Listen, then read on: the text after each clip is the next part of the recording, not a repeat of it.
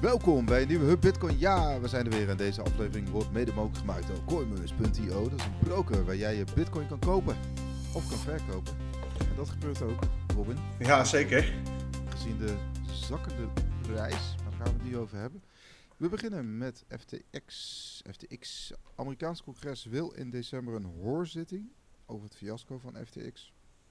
De gevallen beurs uh, zit op dit moment in een faillissementsprocedure, de Chapter 11 in Amerika. En Amerikaanse politie die willen in gesprek over de ineenstorting van de cryptobeurs. Ja, met uh, uiteraard uh, oprichter Sam Bankman-Fried. Even niet meer de CEO nu. nee, hij is CEO af inderdaad. Ja, de vraag is of ze hem daar uh, tevoorschijn kunnen toveren natuurlijk. Daar zou nu ja. nog op de Bahamas zitten, voor zover bekend. Precies. Ja, ik, uh, ik weet niet hoe ze dat gaan doen, want voorlopig uh, loopt hij nog vrij rond. Inderdaad. Nou, onder andere de republikein Brad Sherman van de Amerikaanse Senaat. Die heeft uh, zo zijn twijfels of de jonge Amerikaan ook uh, komt opdagen. Ik neem aan dat Sam Bankman-Fried in een privé onderzeeër naar Dubai gaat. Dus ik denk dat het moeilijk zal zijn om hem te pakken. Tenzij Maxine dieptebommen heeft. Nou, nou, nou, nou. Dus wat een taal. Maxine Waters. Maxine Waters, dat is de Democraten.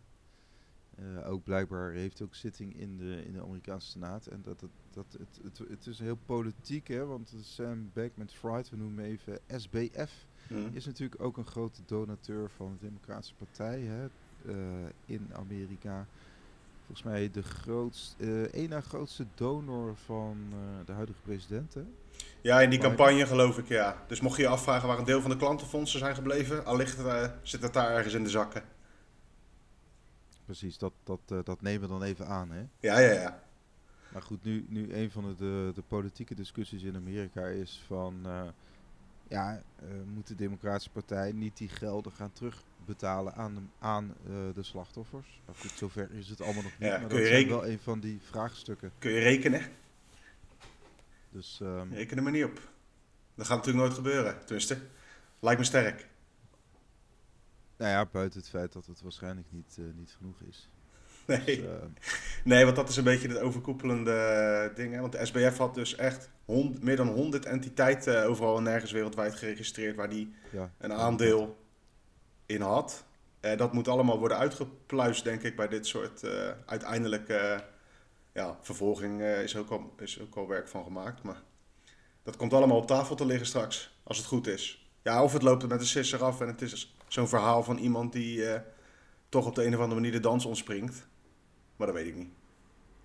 Ja, ja het ziet er wel naar uit dat die hoorzitting er komt. Uh, onder andere de Securities and Exchange Commissie, de SEC, die komt waarschijnlijk ook met een bijdrage in de hoorzitting. En er gaan zelfs geluiden op om Chengpeng ZZ uh, Zhao, ZZ, van de CEO van Binance, dat hij ook wellicht wordt opgeroepen voor, voor die hoorzitting. Kan, kan een interessant, interessant dagje worden dan.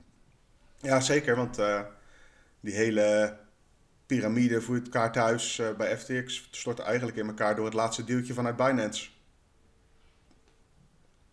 Precies, precies. Dus ja, nou ja, goed. De, het, het, het, uh, het, hele, de hele saga, we hebben het de vorige keer uitgebreid over gehad op bitcoinmagazine.nl. Hebben we onder andere een heel dossier. Als je gewoon uh, de tag uh, bitcoinmagazine.nl slash ftx intikt, dan krijg je het ene na het andere ftx nieuwtje. Ja, dat was wel ja. een beetje de hoofdmoot, ja.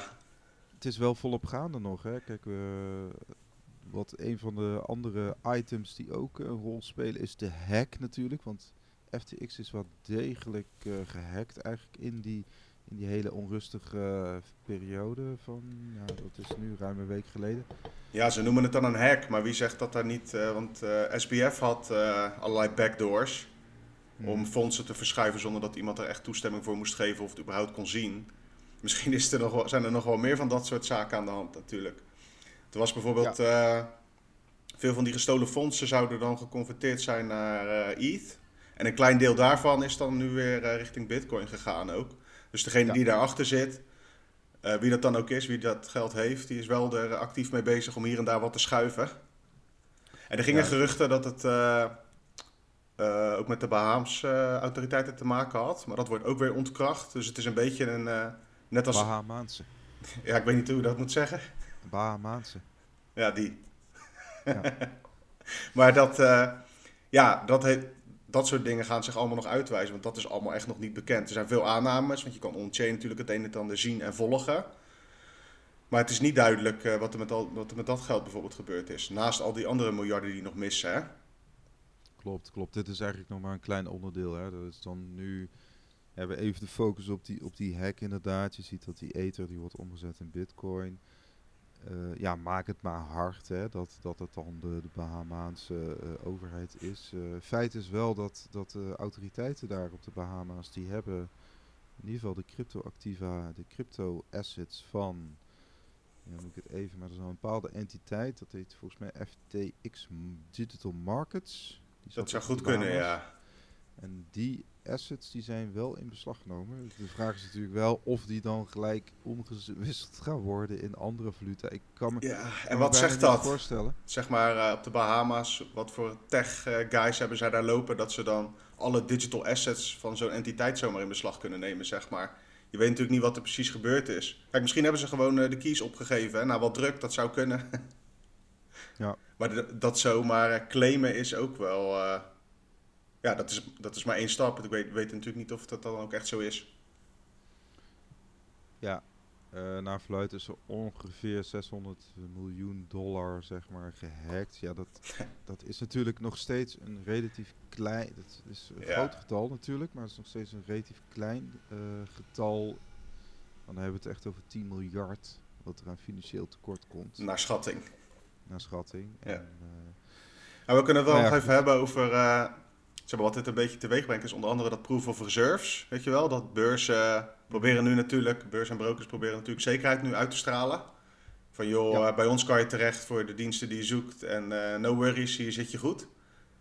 En onder andere, ja, proof of reserves is dan een beetje een oproep wat al vaker uh, voorbij is gekomen over de jaren heen. Maar dat betekent dus eigenlijk dat bedrijven of beurzen hun uh, balansen delen. Dus met adressen en al, zodat mensen dat na kunnen kijken hoe dat, hoe dat gaat. Nou wordt dat gebracht als een soort van uh, gigantisch ding qua openheid. Maar je kunt daar eigenlijk nog niet zo heel veel uit aflezen. Want je, hebt, uh, je deelt de balansen, maar je ziet niet aan de achterkant uh, wat er allemaal gebeurt qua liabilities en zo. Precies, je ziet niet de contracten erachter. Je ziet niet. kijk, als jij, ik noem maar wat, als jij 0,1 bitcoin naar een broker of beurs stuurt, dan wil je eigenlijk, ja, die, die beurs of broker moet gewoon die 0,1 bitcoin vasthouden als dekking. Nou, je wil, als, je, als jij op een handelsplatform zit en jij uh, handelt met bitcoin tegen andere mensen die ook bitcoin denken te kopen en te verkopen, dan moet dat wel één op één bestaan op dat platform. En daar ging het onder andere bij FTX mis, want die hadden blijkbaar echt nagenoeg nul bitcoin op de balans. Meer. Klopt, alleen maar shit tokens. Ja, ongelooflijk. Maar um, ja, dat is dus het spelletje van uh, dat wordt nu op een manier gepresenteerd alsof je dus echt met bitcoin aan het handelen bent bij zo'n FTX. Maar dat waren gewoon neppe papieren bitcoin, want ze hadden dat helemaal niet. Ze konden niet aan de vraag voldoen als iedereen het opneemt. Kleine spoiler, dat kan geen enkele bank ook met je euro's, maar dat terzijde. ja, nee, maar inderdaad, dus, uh, stel dat wij met z'n allen, stel dat elke Nederlander zegt, hey, ik wil nu mijn spaargeld, ik wil het nu opnemen, het een dergelijke bankrun, dan, dan kan hè, dan kunnen al die commerciële banken kunnen daar niet aan die vraag voldoen. Dat wil je zeggen. Er is meer schuld dan, uh, dan euro's. Ja, nou ja, en dat was bij, natuurlijk bij FTX uh, eh, in extremis, kun je zeggen. Hè? En, uh, ja, want die speelde voor eigen centrale bank met die token. Of, of ze dat nou zelf deden of een of andere andere entiteit. Maar die speelde eigenlijk zelf voor centrale bank. Maar dat is wel een ander soort bankje spelen dan een ECB die eventueel dekt als er wat misgaat, zeg maar, zoals in Europa het geval is. Dat zijn andere machtigere partijen dan iemand die gewoon de tokenprinter aan kan zetten. Precies, precies. Dat zijn andere, ja, hoe noem je dat? Het is gewoon een beetje appels met peren vergelijken wat dat betreft. Het is een andere dynamiek, het is een andere... Uh, het is gewoon valsmunterij, om maar een oldschool woord te ja, gebruiken. Nou, wat nog veel erger is, dat stond ook in jouw stuk uh, in bitcoinfocus.nl natuurlijk, dat... Uh, ja, ze hadden ook gewoon uh, de liquidaties. Dus eigenlijk kon Alameda, dat zussenbedrijf van de FTX, kon niet geliquideerd worden op de beurs van FTX. Dus dat is ook... Ja, dat is me toch een, dat is me toch een ja. grof schandaal. Dus als je dat, dat wordt er echt zeg maar, dat zijn begonnen als... Uh, gehandeld. ja, want zij zijn eerst die trading desk begonnen. Nou, dat schijnt een succesverhaal geweest te zijn. Kun je nu ook afvragen hoe dat allemaal geregeld was toen de tijd, maar goed. Toen hebben ze op een gegeven moment ook FTX uh, gelanceerd.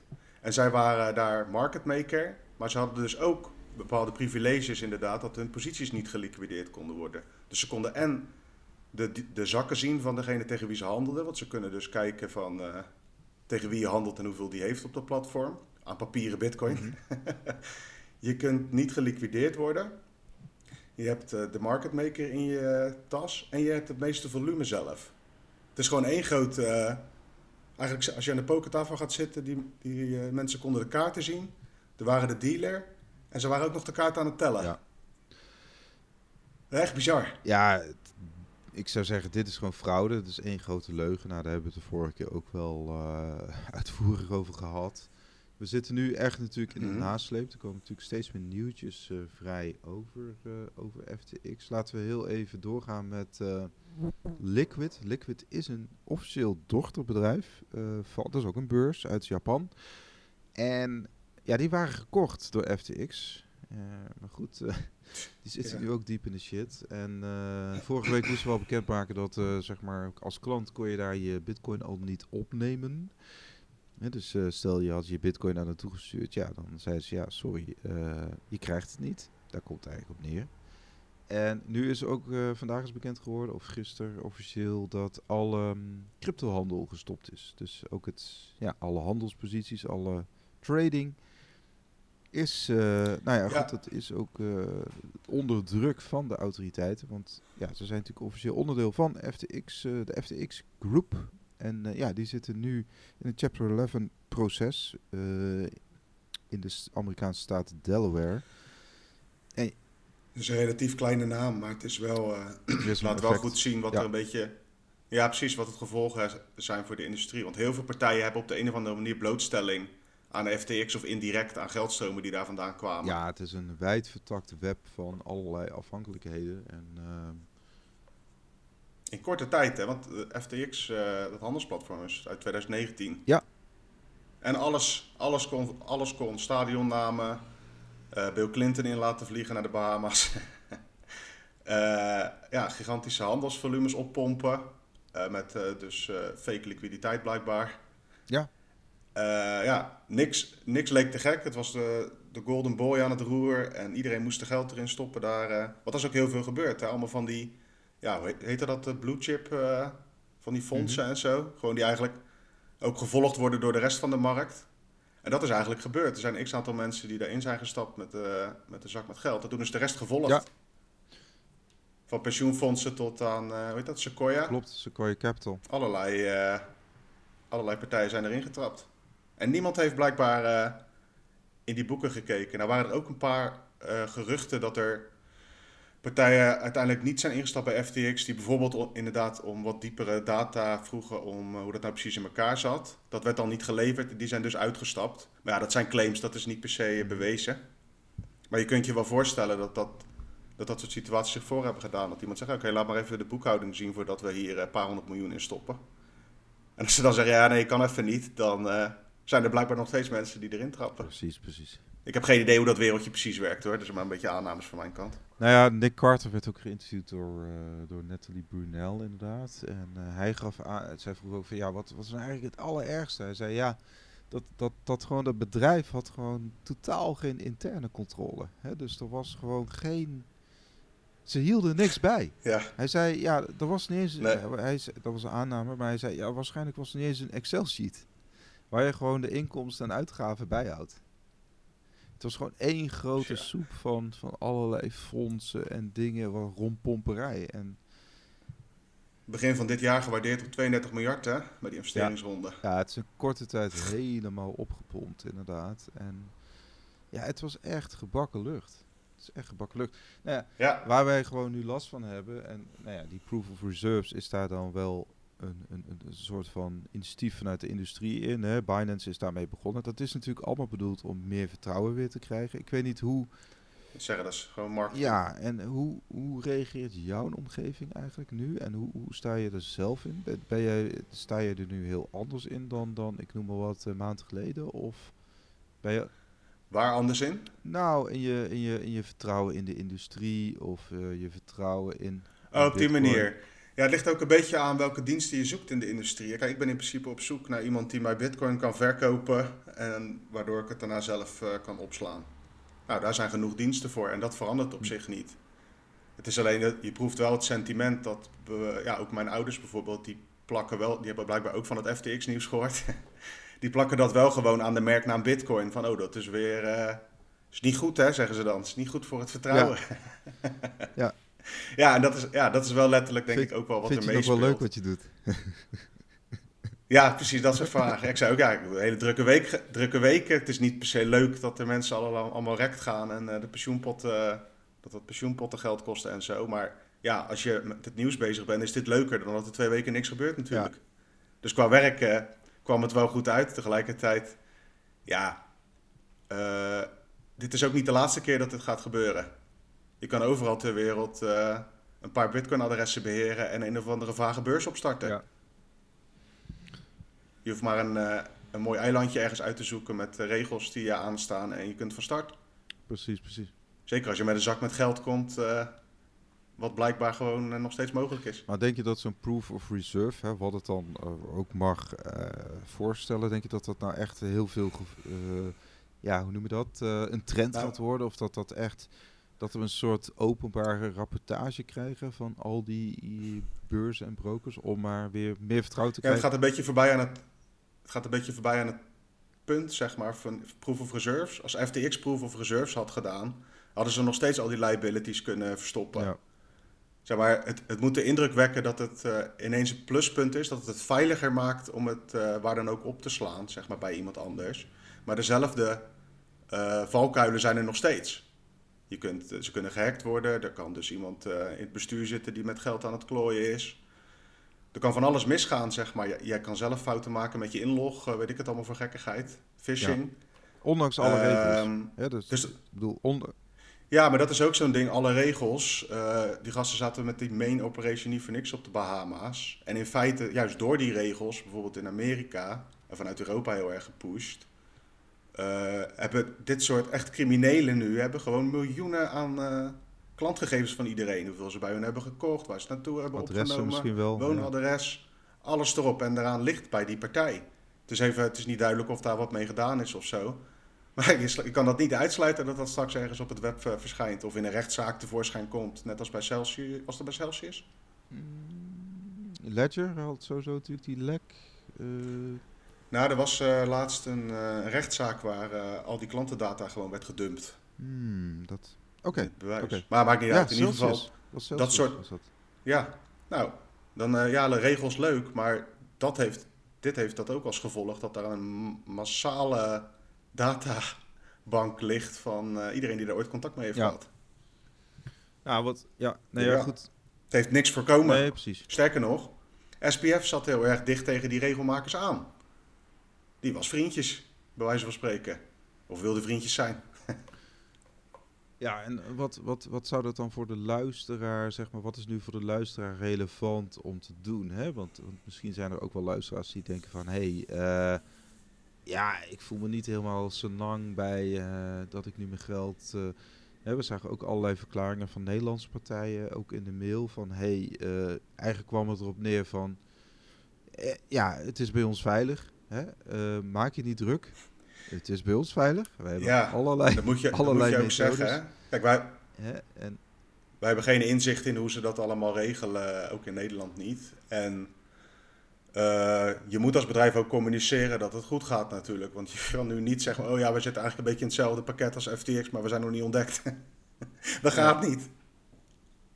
Dus ja, dan kan je wel met een korreltje zout nemen. En ja, wat je moet, wat ik aanraad is uh, bij jezelf nagaan of je in staat bent om 12 woorden op te schrijven en die veilig te houden.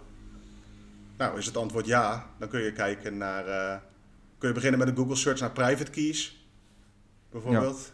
En dan kun je daar uh, mee beginnen met het leren hoe je eventueel je Bitcoin in eigen beheer kunt nemen. Want dat is het, hè? het zijn 12 woorden. Ja. Ja, of we hebben ook die website bijvoorbeeld storingbitcoin.info van Klukluk. Dat is misschien ook nog wel... Uh, ja, dat is ook een goede, ja. is met uh, flowchart, ja, toch? kun je inderdaad gewoon wat vragen beantwoorden. En uh, dan, dan kom je eigenlijk van de, vanzelf van... hey, dit is nou een, een prima hardware wallet voor je. Of hey, misschien kun je het beter zo doen. En dus dat... ja, dat hoef je ook niet letterlijk te volgen. Maar dan kun je een beetje inspiratie op doen. En ik zou vooral ook nagaan bij, bij jezelf. Van joh kan dit met mijn bitcoin ook gebeuren? Vind ik dat het risico waard, ja, of nee? Ja, ja, en dan, want klanten bij FTX die daar uh, bitcoin hebben gestort, nogmaals, die ze niet meer hadden, die kunnen gewoon hun geld nooit meer opnemen waarschijnlijk. Er gaat nooit meer wat van terechtkomen. Ja. Ja, dus inderdaad storing. Dus eigenlijk uh, storing op zijn Nederlands en dan bitcoin.info. Dat is een uh, website van Klukluk. Ja, goede tip. Nee, het is ook wel, uh, weet je, het is ook altijd, uh, iemand kan uh, duizend keer roepen dat je iets moet doen, maar je moet het toch zelf ondervinden en uitvogelen. Het is vooral belangrijk dat je het zelf graag wil. En dan is het echt niet zo ingewikkeld. Als je kunt internetbankieren, dan kun je ook je bitcoin zelf opslaan. Maar het komt wel weer met andere verantwoordelijkheden. Ja, nee, precies. nou, wij hadden afgelopen week ook, ja, er waren natuurlijk verschillende nieuwsmedia, ook in Nederland, die natuurlijk, ook de, de MSN, die, die heel erg ja, allerlei berichten de wereld instuurde. Wij werden ook benaderd door uh, Nieuwsuur. Dat kwam op dat moment uh, niet goed voor ons uit om iets voor de camera uh, te roepen. Ik, ik, had een mhm. kinderfeestje en jij had volgens mij iets anders, waardoor het een beetje lastig werd. Maar ik heb die aflevering wel gekeken, inderdaad. Dat had wel een bepaalde. Ik dacht wel van, oeh, het is wel. Ze hadden iets van drie of vier man aan het woord die echt soort van. Ja, hoe noem je dat? Gewoon tegen, tegen crypto's waren. Hè, dus uh, dat was de DNB, je had, je had die gozer van de Vereniging van Effectenbezitters in Nederland. En je had Matthijs Bouwman natuurlijk. Nou, dat waren er drie. En dan had je een van de cryptohandelaar die in het buitenland zat. Die ze via Zoom... Uh, ja goed, ik ken, ik ken de hele feest ook niet. Maar wat, uh, ja, wat, ik, wat een van de meest opvallende dingen wat ik, wat ik in ieder geval hoorde... was dat de DNB ook zei van... Ja, deze sector staat niet onder toezicht. Dus ik, ik, ik weet niet hoe hij dat bedoelde. Maar kijk, in principe staan de Nederlandse bedrijven wel onder toezicht. Namelijk sinds mei 2020 uh, eh, moeten die voldoen aan allerlei eisen op het gebied van uh, identificatie en KYC en het, het monitoren en het doorgeven van bepaalde transacties. Alle transacties boven de 10.000 euro. Die komen in een, een, eh, een, een, een bak van de Financial Intelligence Unit. Dus daar, en zij, ja, Nederlandse bank moet eigenlijk toezicht houden dat die partijen dat doen. Ja, we zijn een soort van uh, handhaver of zo. Zo ja, dat kost geld, hè? Dat kost anderhalf ton per jaar. Voor ja, per, ja, maar staan niet onder toezicht. Ja, registrant. Ik vind dat gewoon een beetje woordspelletjes, zeg maar. Nee, zeg maar de tokens die aangeboden worden van alles en nog wat, of bitcoin zelf, staat natuurlijk niet echt onder toezicht van de DNB. Dat klopt. Nee, klopt. Maar zeg maar, elke partij die in Nederland uh, een idealbetaling wil ontvangen om bitcoin te, uh, te verkopen, die moet toch echt uh, bij de DNB door het poortje. En hoe je het dan wil noemen, maakt niet nou, zoveel uit. Net alsof het een soort wild, wild situatie. Hè, dat het allemaal nog wild west is. Maar dat, dat, daar ben ik het niet mee eens. Nou ja, waar de DNB aan nog moet wennen, denk ik ook. En iedereen uit dat wereldje, en heel de wereld eigenlijk, wij zelf ook, is, nog, is van ja, het kan overal ter wereld opgedraaid worden nu, zeg maar. Je hoeft niet in in de Zuidas te zitten of in New York om, of in Londen om iets uh, financieels te doen. Overal ter wereld kunnen die partijen gewoon nu uh, een of ander casino opbouwen. Ja. Maar dat betekent niet dat Nederlandse partijen helemaal uh, nergens aan moeten voldoen. Want ook voordat die regels voor dat cryptoregister kwamen, heb je gewoon in Nederland te maken met heel veel wetten en regels waar iedereen aan moet voldoen. Ja. En nu wordt het wat specifieker gemaakt. En in 2000, het plan is om in 2024 dat uh, op te trekken naar uh, echt uh, Europese regels. Dus dat alle landen dezelfde richtlijnen hanteren. In ieder geval in de kern. Ja, dat is, dat is een theorie. Hè. Zo, dit, dit wordt natuurlijk in, de, in die uitzending ook heel erg opgeroepen dat het ehm, ja, dat, dat pas in 2024 is. En, nou ja, en, sorry hmm. hoor, maar het is ook FTX moet je ook gewoon helemaal loskoppelen van ik heb ook niks met crypto, we zijn met bitcoin bezig. Maar FTX heeft gewoon niks met, met die dingen te maken. Het was gewoon een, uh, een papieren ponzi, of hoe je het ook wil noemen, welke term je er ook op wil plakken. En daarbovenop werd nog een, uh, een handelshuis gebouwd. En dat is als een gek gaan, gaan lopen en hebben ze heel veel geld mee binnengehaald. Maar het heeft echt nul te maken met Bitcoin. Het was gewoon een, een casino die ten onder is gegaan. Nee, klopt. Maar het, het, heeft ook helemaal niks te maken met Bitcoin, Bitcoin-technologie. Het punt is een beetje.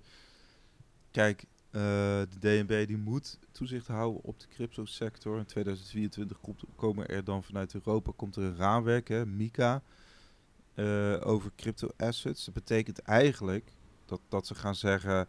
Oké, uh, dus deze, deze partij uit de Bahama's, die wil dus FTT-tokens, hè?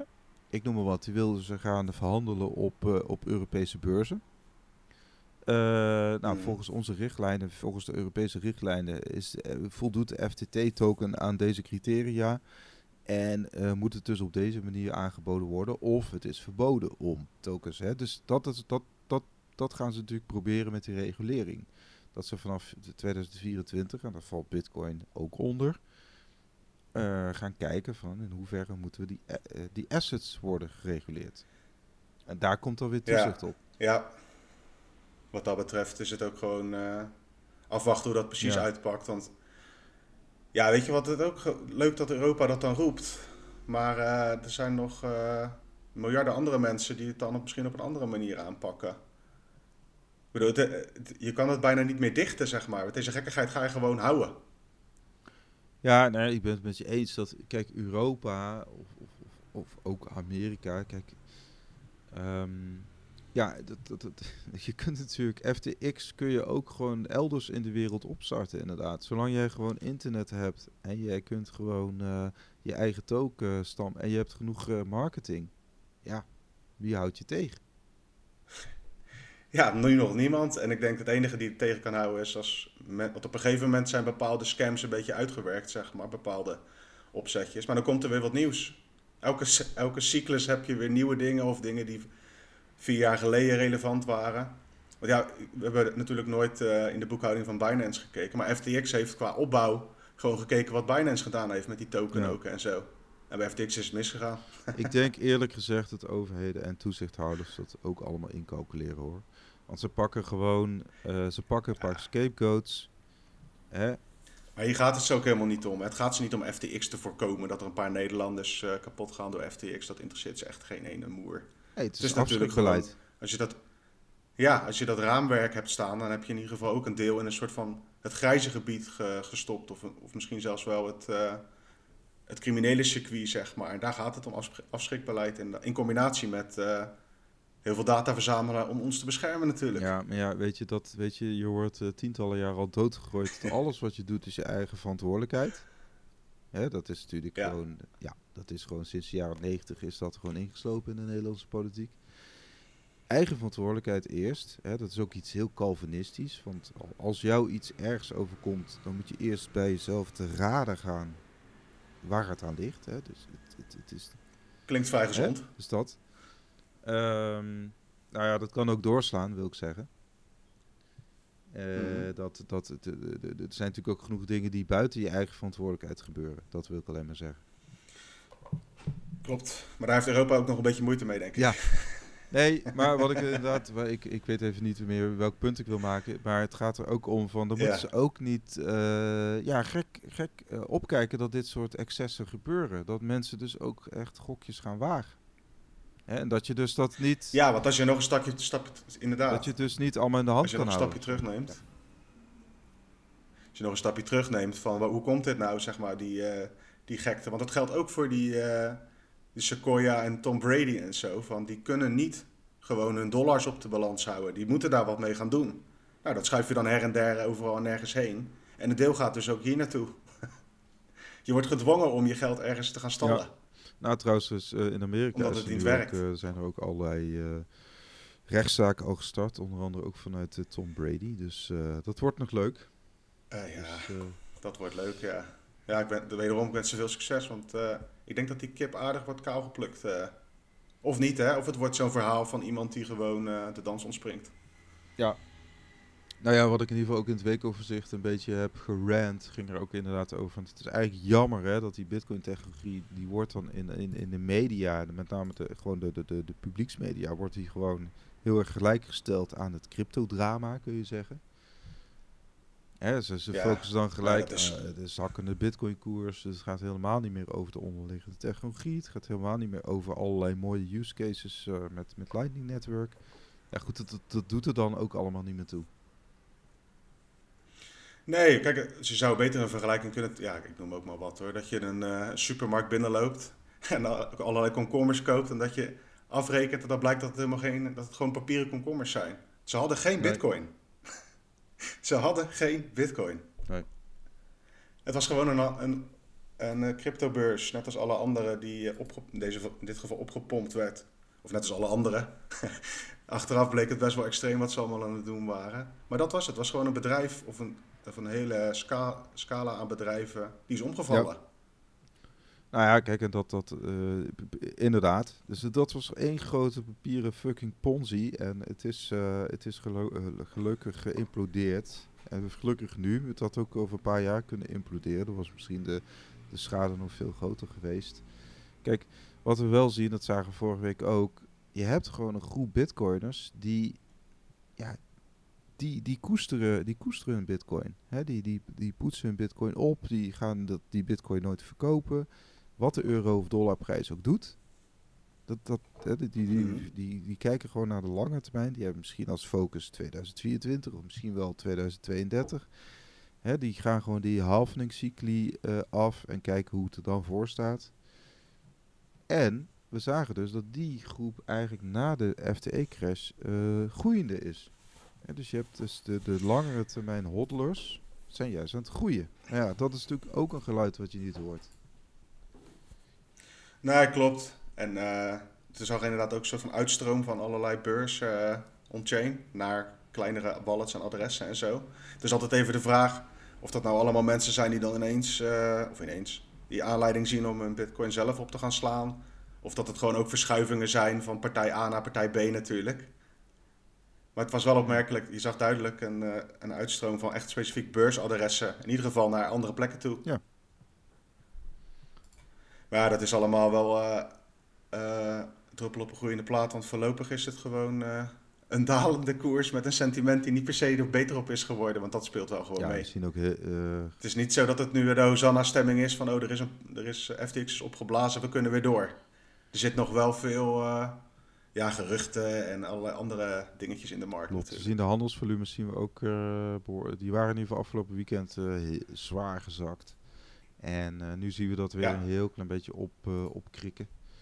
Uh, Logisch zo. Oh, ik zag trouwens nog iets tussendoor. Pantera Bitcoin Fund. Die hadden voor 137 miljoen aan Bitcoin gekocht.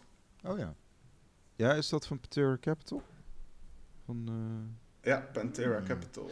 Ik wilde ook nog heel even een FTX-nieuwtje erin gooien. Want de politie in Singapore die waarschuwt voor oplichters die gebruik willen maken van de onrust rondom FTX. Heb jij heb jij ja. dat? Ja, is meer een beetje het algemeen. Uh, ja, goed dat ze daarvoor waarschuwen. Want wat er natuurlijk gebeurt is, er is gewoon chaos. Uh, mensen zijn hun geld kwijt en die willen kijken of ze nog wat terug kunnen krijgen. Er zijn dus, gaan dus blijkbaar websites uh, in Singapore er rond, specifiek gericht op FTX gebruikers en slachtoffers daarvan. Die doet zich voor als een Amerikaanse overheidswebsite. Nou, het enige wat je moet doen is even je logingegevens delen en een servicekosten betalen. En dan zou je gelijk je geld, eh, of dan zou je je geld terugkrijgen. Is natuurlijk onzin. Maar dat soort aanbieders ga je wel krijgen. Je hebt ook altijd partijen die dat wel uh, specifiek doen. Dat was het, bij MT Gox heb je, had je zo'n partij die dat allemaal op wilde kopen, die rechten. En dan voor 30% van de dagprijs of zo van Bitcoin oh, op dat ja, moment. Maar dit gaat dus. Ja, dus ik wil niet zeggen dat het helemaal niet kan. Het is meer. Uh, dit soort oplichterij ga je nu heel veel zien. Zeker als straks ook nog die uh, adresgegevens uit zouden lekken trouwens. Maar dat ja, is nog niet gebeurd gelukkig. mensen zijn radeloos en dan, ja, dan zien ze een, een, een glimpje hoop en dan uh, klikken ze er misschien op. Ja, dat... ja, voor een beetje op automatisme, hè. Van, je, ja, je bent zelf ook niet heel, als je achter je laptop of computer zit, ook niet heel de tijd bewust van waar je allemaal op klikt. Dat gaat ook wel automatisch. Ja. OnlyFans. Dus ja, opletten geblazen. Mensen gaan niet uh, je geld teruggeven. En zeker niet van FTX op dit moment. Nee, inderdaad. Uh, we hadden ook nog opmerkend nieuwtje deze maandag. Uh, Binance, Binance Labs, uh, Labs, die heeft ook een strategische investment gedaan in de Belgische hardware wallet firma Engrave. En dit is eigenlijk de eerste Series A-ronde voor Engrave. Die maken dus een hardware wallet. Hè, daar kun je eigenlijk je seeds, heb je toegang. Via die hardware heb je toegang tot je seeds van je bitcoin. Um, en het is opgericht in 2018 in België. En is zijn gespecialiseerd in zelfcustody. Dus op zich wel een, uh, ja, een, een goede timing. Ja, is niet zo heel verrassend, niet zo heel verrassend toch? Binance uh, heeft zat geld. Deze, dit soort partijen, ik heb hier zelf echt helemaal niks mee. Ik zie dat ze ook uh, L-rond wel kunnen opslaan voor je, dus... je kunt aan ja, de slag. Het is, het is geen maar het is wel een beetje bijna... Nee, nee, dat niet beetje Binance money die dat in België eh, terechtkomt. Ja, nou. Dat zie je wel. Hè. Binance is natuurlijk nu wel helemaal de big dog. Ja. Dat, kijk, als daar ooit echt hard gemaakt wordt dat het niet klopt en dat je je bitcointjes niet op kunt nemen, dan wordt het helemaal feest op de markt. Maar dat is niet op dit moment. Nee. Nee, dus uh, nou ja, goed, dat, uh, dat, dat vond ik op zich... Uh, jij had nog ook een nieuwtje van de crypto-baas van Twitter, die vertrekt. Ja, ja, dat was gewoon een van de vele posities die nu leeg zijn bij Twitter. Want Elon Musk is daar aardig met de bezem er doorheen gegaan, van wat ik begrijp. En die hadden dus een, ja, zo'n crypto-blockchain-divisie. En Twitter had natuurlijk Jack Dorsey als CEO. En die pushte nog wel in een van zijn laatste aandeelhoudersvergaderingen van... joh, we moeten echt even kijken naar Bitcoin, want dat kan een hele nieuwe markt voor ons openen. Maar in plaats daarvan zag je ook wel vooral experimenten dus met NFT's en zo. Die afdeling zit dus nu zon, officieel zonder uh, hoofd. En het is een beetje de vraag of en hoe dat opnieuw wordt ingericht. Ik denk wel dat daar wat gaat gebeuren, want uh, Twitter heeft ook uh, licenties en papieren aangevraagd om echt de betaalverwerker te worden. Nou ja, dan is een kleine stap natuurlijk om te kijken of, of je ook iets met, met Bitcoin of crypto ja. kunt doen. Maar dat, uh, dat valt te bezien. Ik denk dat Twitter daar wel de potentie voor heeft. Ja, iedereen zit er, maar, is het er al op, zeg maar. Ik weet niet of de westerse wereld zit te wachten op een nieuwe op een uh, plaatsvervanger van WeChat, maar dan hier. maar dat is een beetje, denk ik, wat Twitter, uh, wat Elon Musk wil gaan bouwen. Een all-in-one communicatie-app. Want betalen is gewoon een soort van communiceren. Klopt, klopt. Tussendoor. Nou ja, de, de, markt kan wel een positief uh, nieuwtje gebruiken natuurlijk. En op het moment dat Musk uh, gaat aankondigen dat uh, misschien, ik doe wel wat, Bitcoin, Twitter iets met Bitcoin gaat doen, dan kunnen we dat goed gebruiken. Ja, ik denk dat hij wel andere dingen aan zijn kop heeft op dit moment. We hadden ook nog Man en, Group, de ja, biggest, oh, ja. de grootste publieke hedge fund. Die gaat een crypto hedge fund starten ook wel opmerkelijk nieuws. Opmerkelijke timing ook. Ik denk, nou, dat is op zich wel behoorlijk groot nieuws. Ja, maar die processen zijn wel uh, vaak al eerder ingezet. Voor hetzelfde geld zijn ze er vorig jaar mee begonnen in die hype. En denken ze, nou, we gooien er maar live. Want je hoort ook wel uh, van fondsen die weer weer ermee kappen, hè? Van die futures uh, fondsen en zo. Dus het is, het is echt geen garantie dat je een bitcoin product maakt en dat het dan scoort. Zeker niet in een tijd waar de interesse vooral gefocust is op slecht nieuws omdat er een aantal wiskits zijn die de boel hebben besodemieterd. Nee, nou ja, goed. Het is toch, uh, toch een, ja, goed, binnen de financiële wereld volgens mij best een aardige naam. En uh, dat is weer een, uh, een klein ja. opstekertje. Ja, dat is altijd grappig. Dan, dan zie ik dat nieuwtje voorbij komen en dan ga ik even googlen oh, nou, die zijn best wel groot. Nog nooit van gehoord. Nee. en dat kan ook aan mij liggen. Ja, ik zit gewoon niet nee, in ik ook niet. Ik dacht aan die vrachtwagenfabrikant die, van MAN. Maar dat, nee.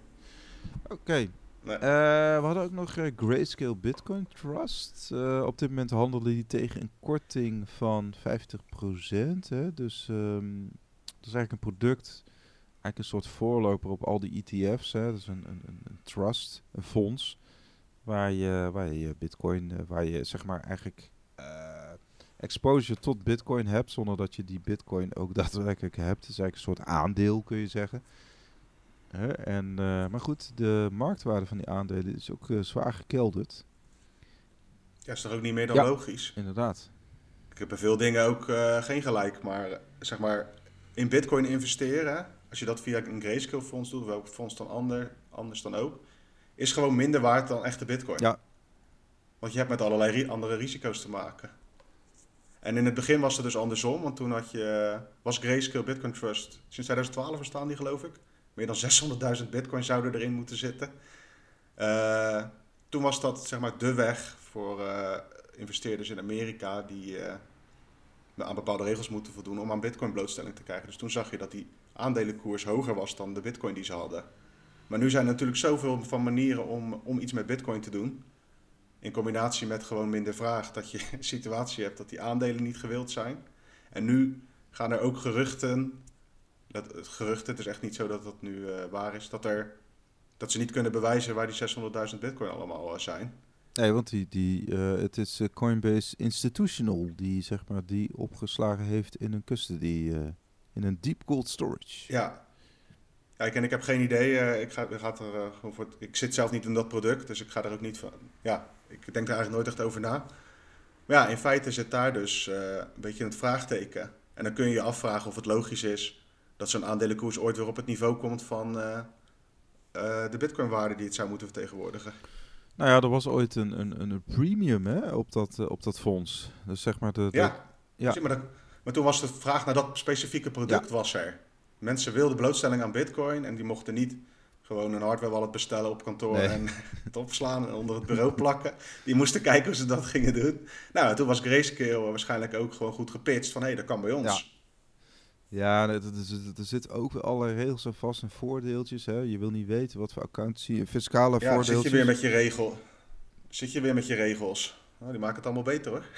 nou ja, die regels, die, die, die, gedrag is inderdaad wel te verklaren via die regels inderdaad. Waarom ga, doen die fondsen dat? Dat is wel al, allerlei fiscale Ja, en er zit ook nog uh, wat speculatie in. En dat maakt denk ik dat die uh, aandelenkoers nog van uh, Grayscale Bitcoin Trust niet helemaal door het putje gaat nog. Is dat er gespeculeerd wordt op dat het fonds omgezet wordt naar een ETF. En dan zouden die bitcoin, even ervan uitgaan dat ze ze dus gewoon hebben, allemaal één op één weer uh, geconverteerd kunnen worden. En dan maak je natuurlijk even snel een, uh, een mooie winst. Maar ja, dat voorlopig uh, zit dat proces ook vast overal natuurlijk. Die SEC heeft niet een indicatie gegeven van hé, hey, dit gaan we even snel regelen. Nee, nee, inderdaad. Dus nou ja, goed. Dus ja, gebeurt genoeg. Onrust. Tegelijkertijd ja, is er ook genoeg leuks om te volgen natuurlijk. Kijk, bitcoinmagazine.nl ook wel veel negatief nieuws, maar bitcoinfocus.nl is wat dat betreft wat, uh, wat rustiger. We hadden vorige week een knutselartikel van iemand die thuis mindt. Ja. Met, ja, met stroomkosten die dan variëren natuurlijk. Per, of natuurlijk, die kun je voor, voor kiezen per dagdeel mhm. en zo. En daar kun je creatief mee omgaan en dan alsnog een soort van winstgevend, of in ieder geval op een leuke manier thuis. Ja, die had zijn huis helemaal vol met apparaten hangen, al met demotica, waardoor hij eigenlijk altijd de goedkoopste energie heeft. Als ik dan naar mezelf uh, denk, dan denk ik van nou, brandgevaar is volgens mij dan een groot risico. ja, ik ga dat, eh, dat soort ook niet doen, maar ja. Maar ik vind het wel vet om te lezen. Dat, dat iemand daar ook uh, enthousiast over kan. Uh. Dus inderdaad, naar bitcoinfocus.nl, dat hadden wij afgelopen donderdag volgens mij, hadden we dat verhaal van Danny Oosterveer. En nou ja, we hebben... Um, morgen op dinsdag hebben we ook nog een, een on-chain analyse van, van Maarten van CryptoQuant op bitcoinfocus.nl. En voor het laatste nieuws ga je naar bitcoinmagazine.nl voor de laatste FTX nieuwtjes of ja, al het andere wat er maar gebeurt in, in de, op de bitcoinmarkt. Ja, mocht de koers ooit weer een uh, all-time high bereiken, dan lees je het natuurlijk bij ons ook. Maar voorlopig is het een ander soort nieuws. En het hoort er ook bij. Ja, we gaan gewoon lekker door. En we hebben gewoon een beetje geduld hebben. Lange termijn uh, gewoon in de gaten houden. Voor mij persoonlijk is dat in ieder geval die 2024. Ik denk dat er dan ook nog best wel wat leuke dingen gebeuren. De, ik heb geen einddatum. van die halvening. Nou, het is een soort tussen, tussenmomentje. En ja, nee, dat is altijd wel goed om een paar uh, punten aan te wijzen. Waar je zegt van oké, dan ga ik eens even nadenken over wat ik gaan doen. Ja, ja, inderdaad. ja. Hoort erbij. Nou, uh, ik zou zeggen, fijne week iedereen en uh, tot de volgende keer. Yes, hold on. Later. Doei.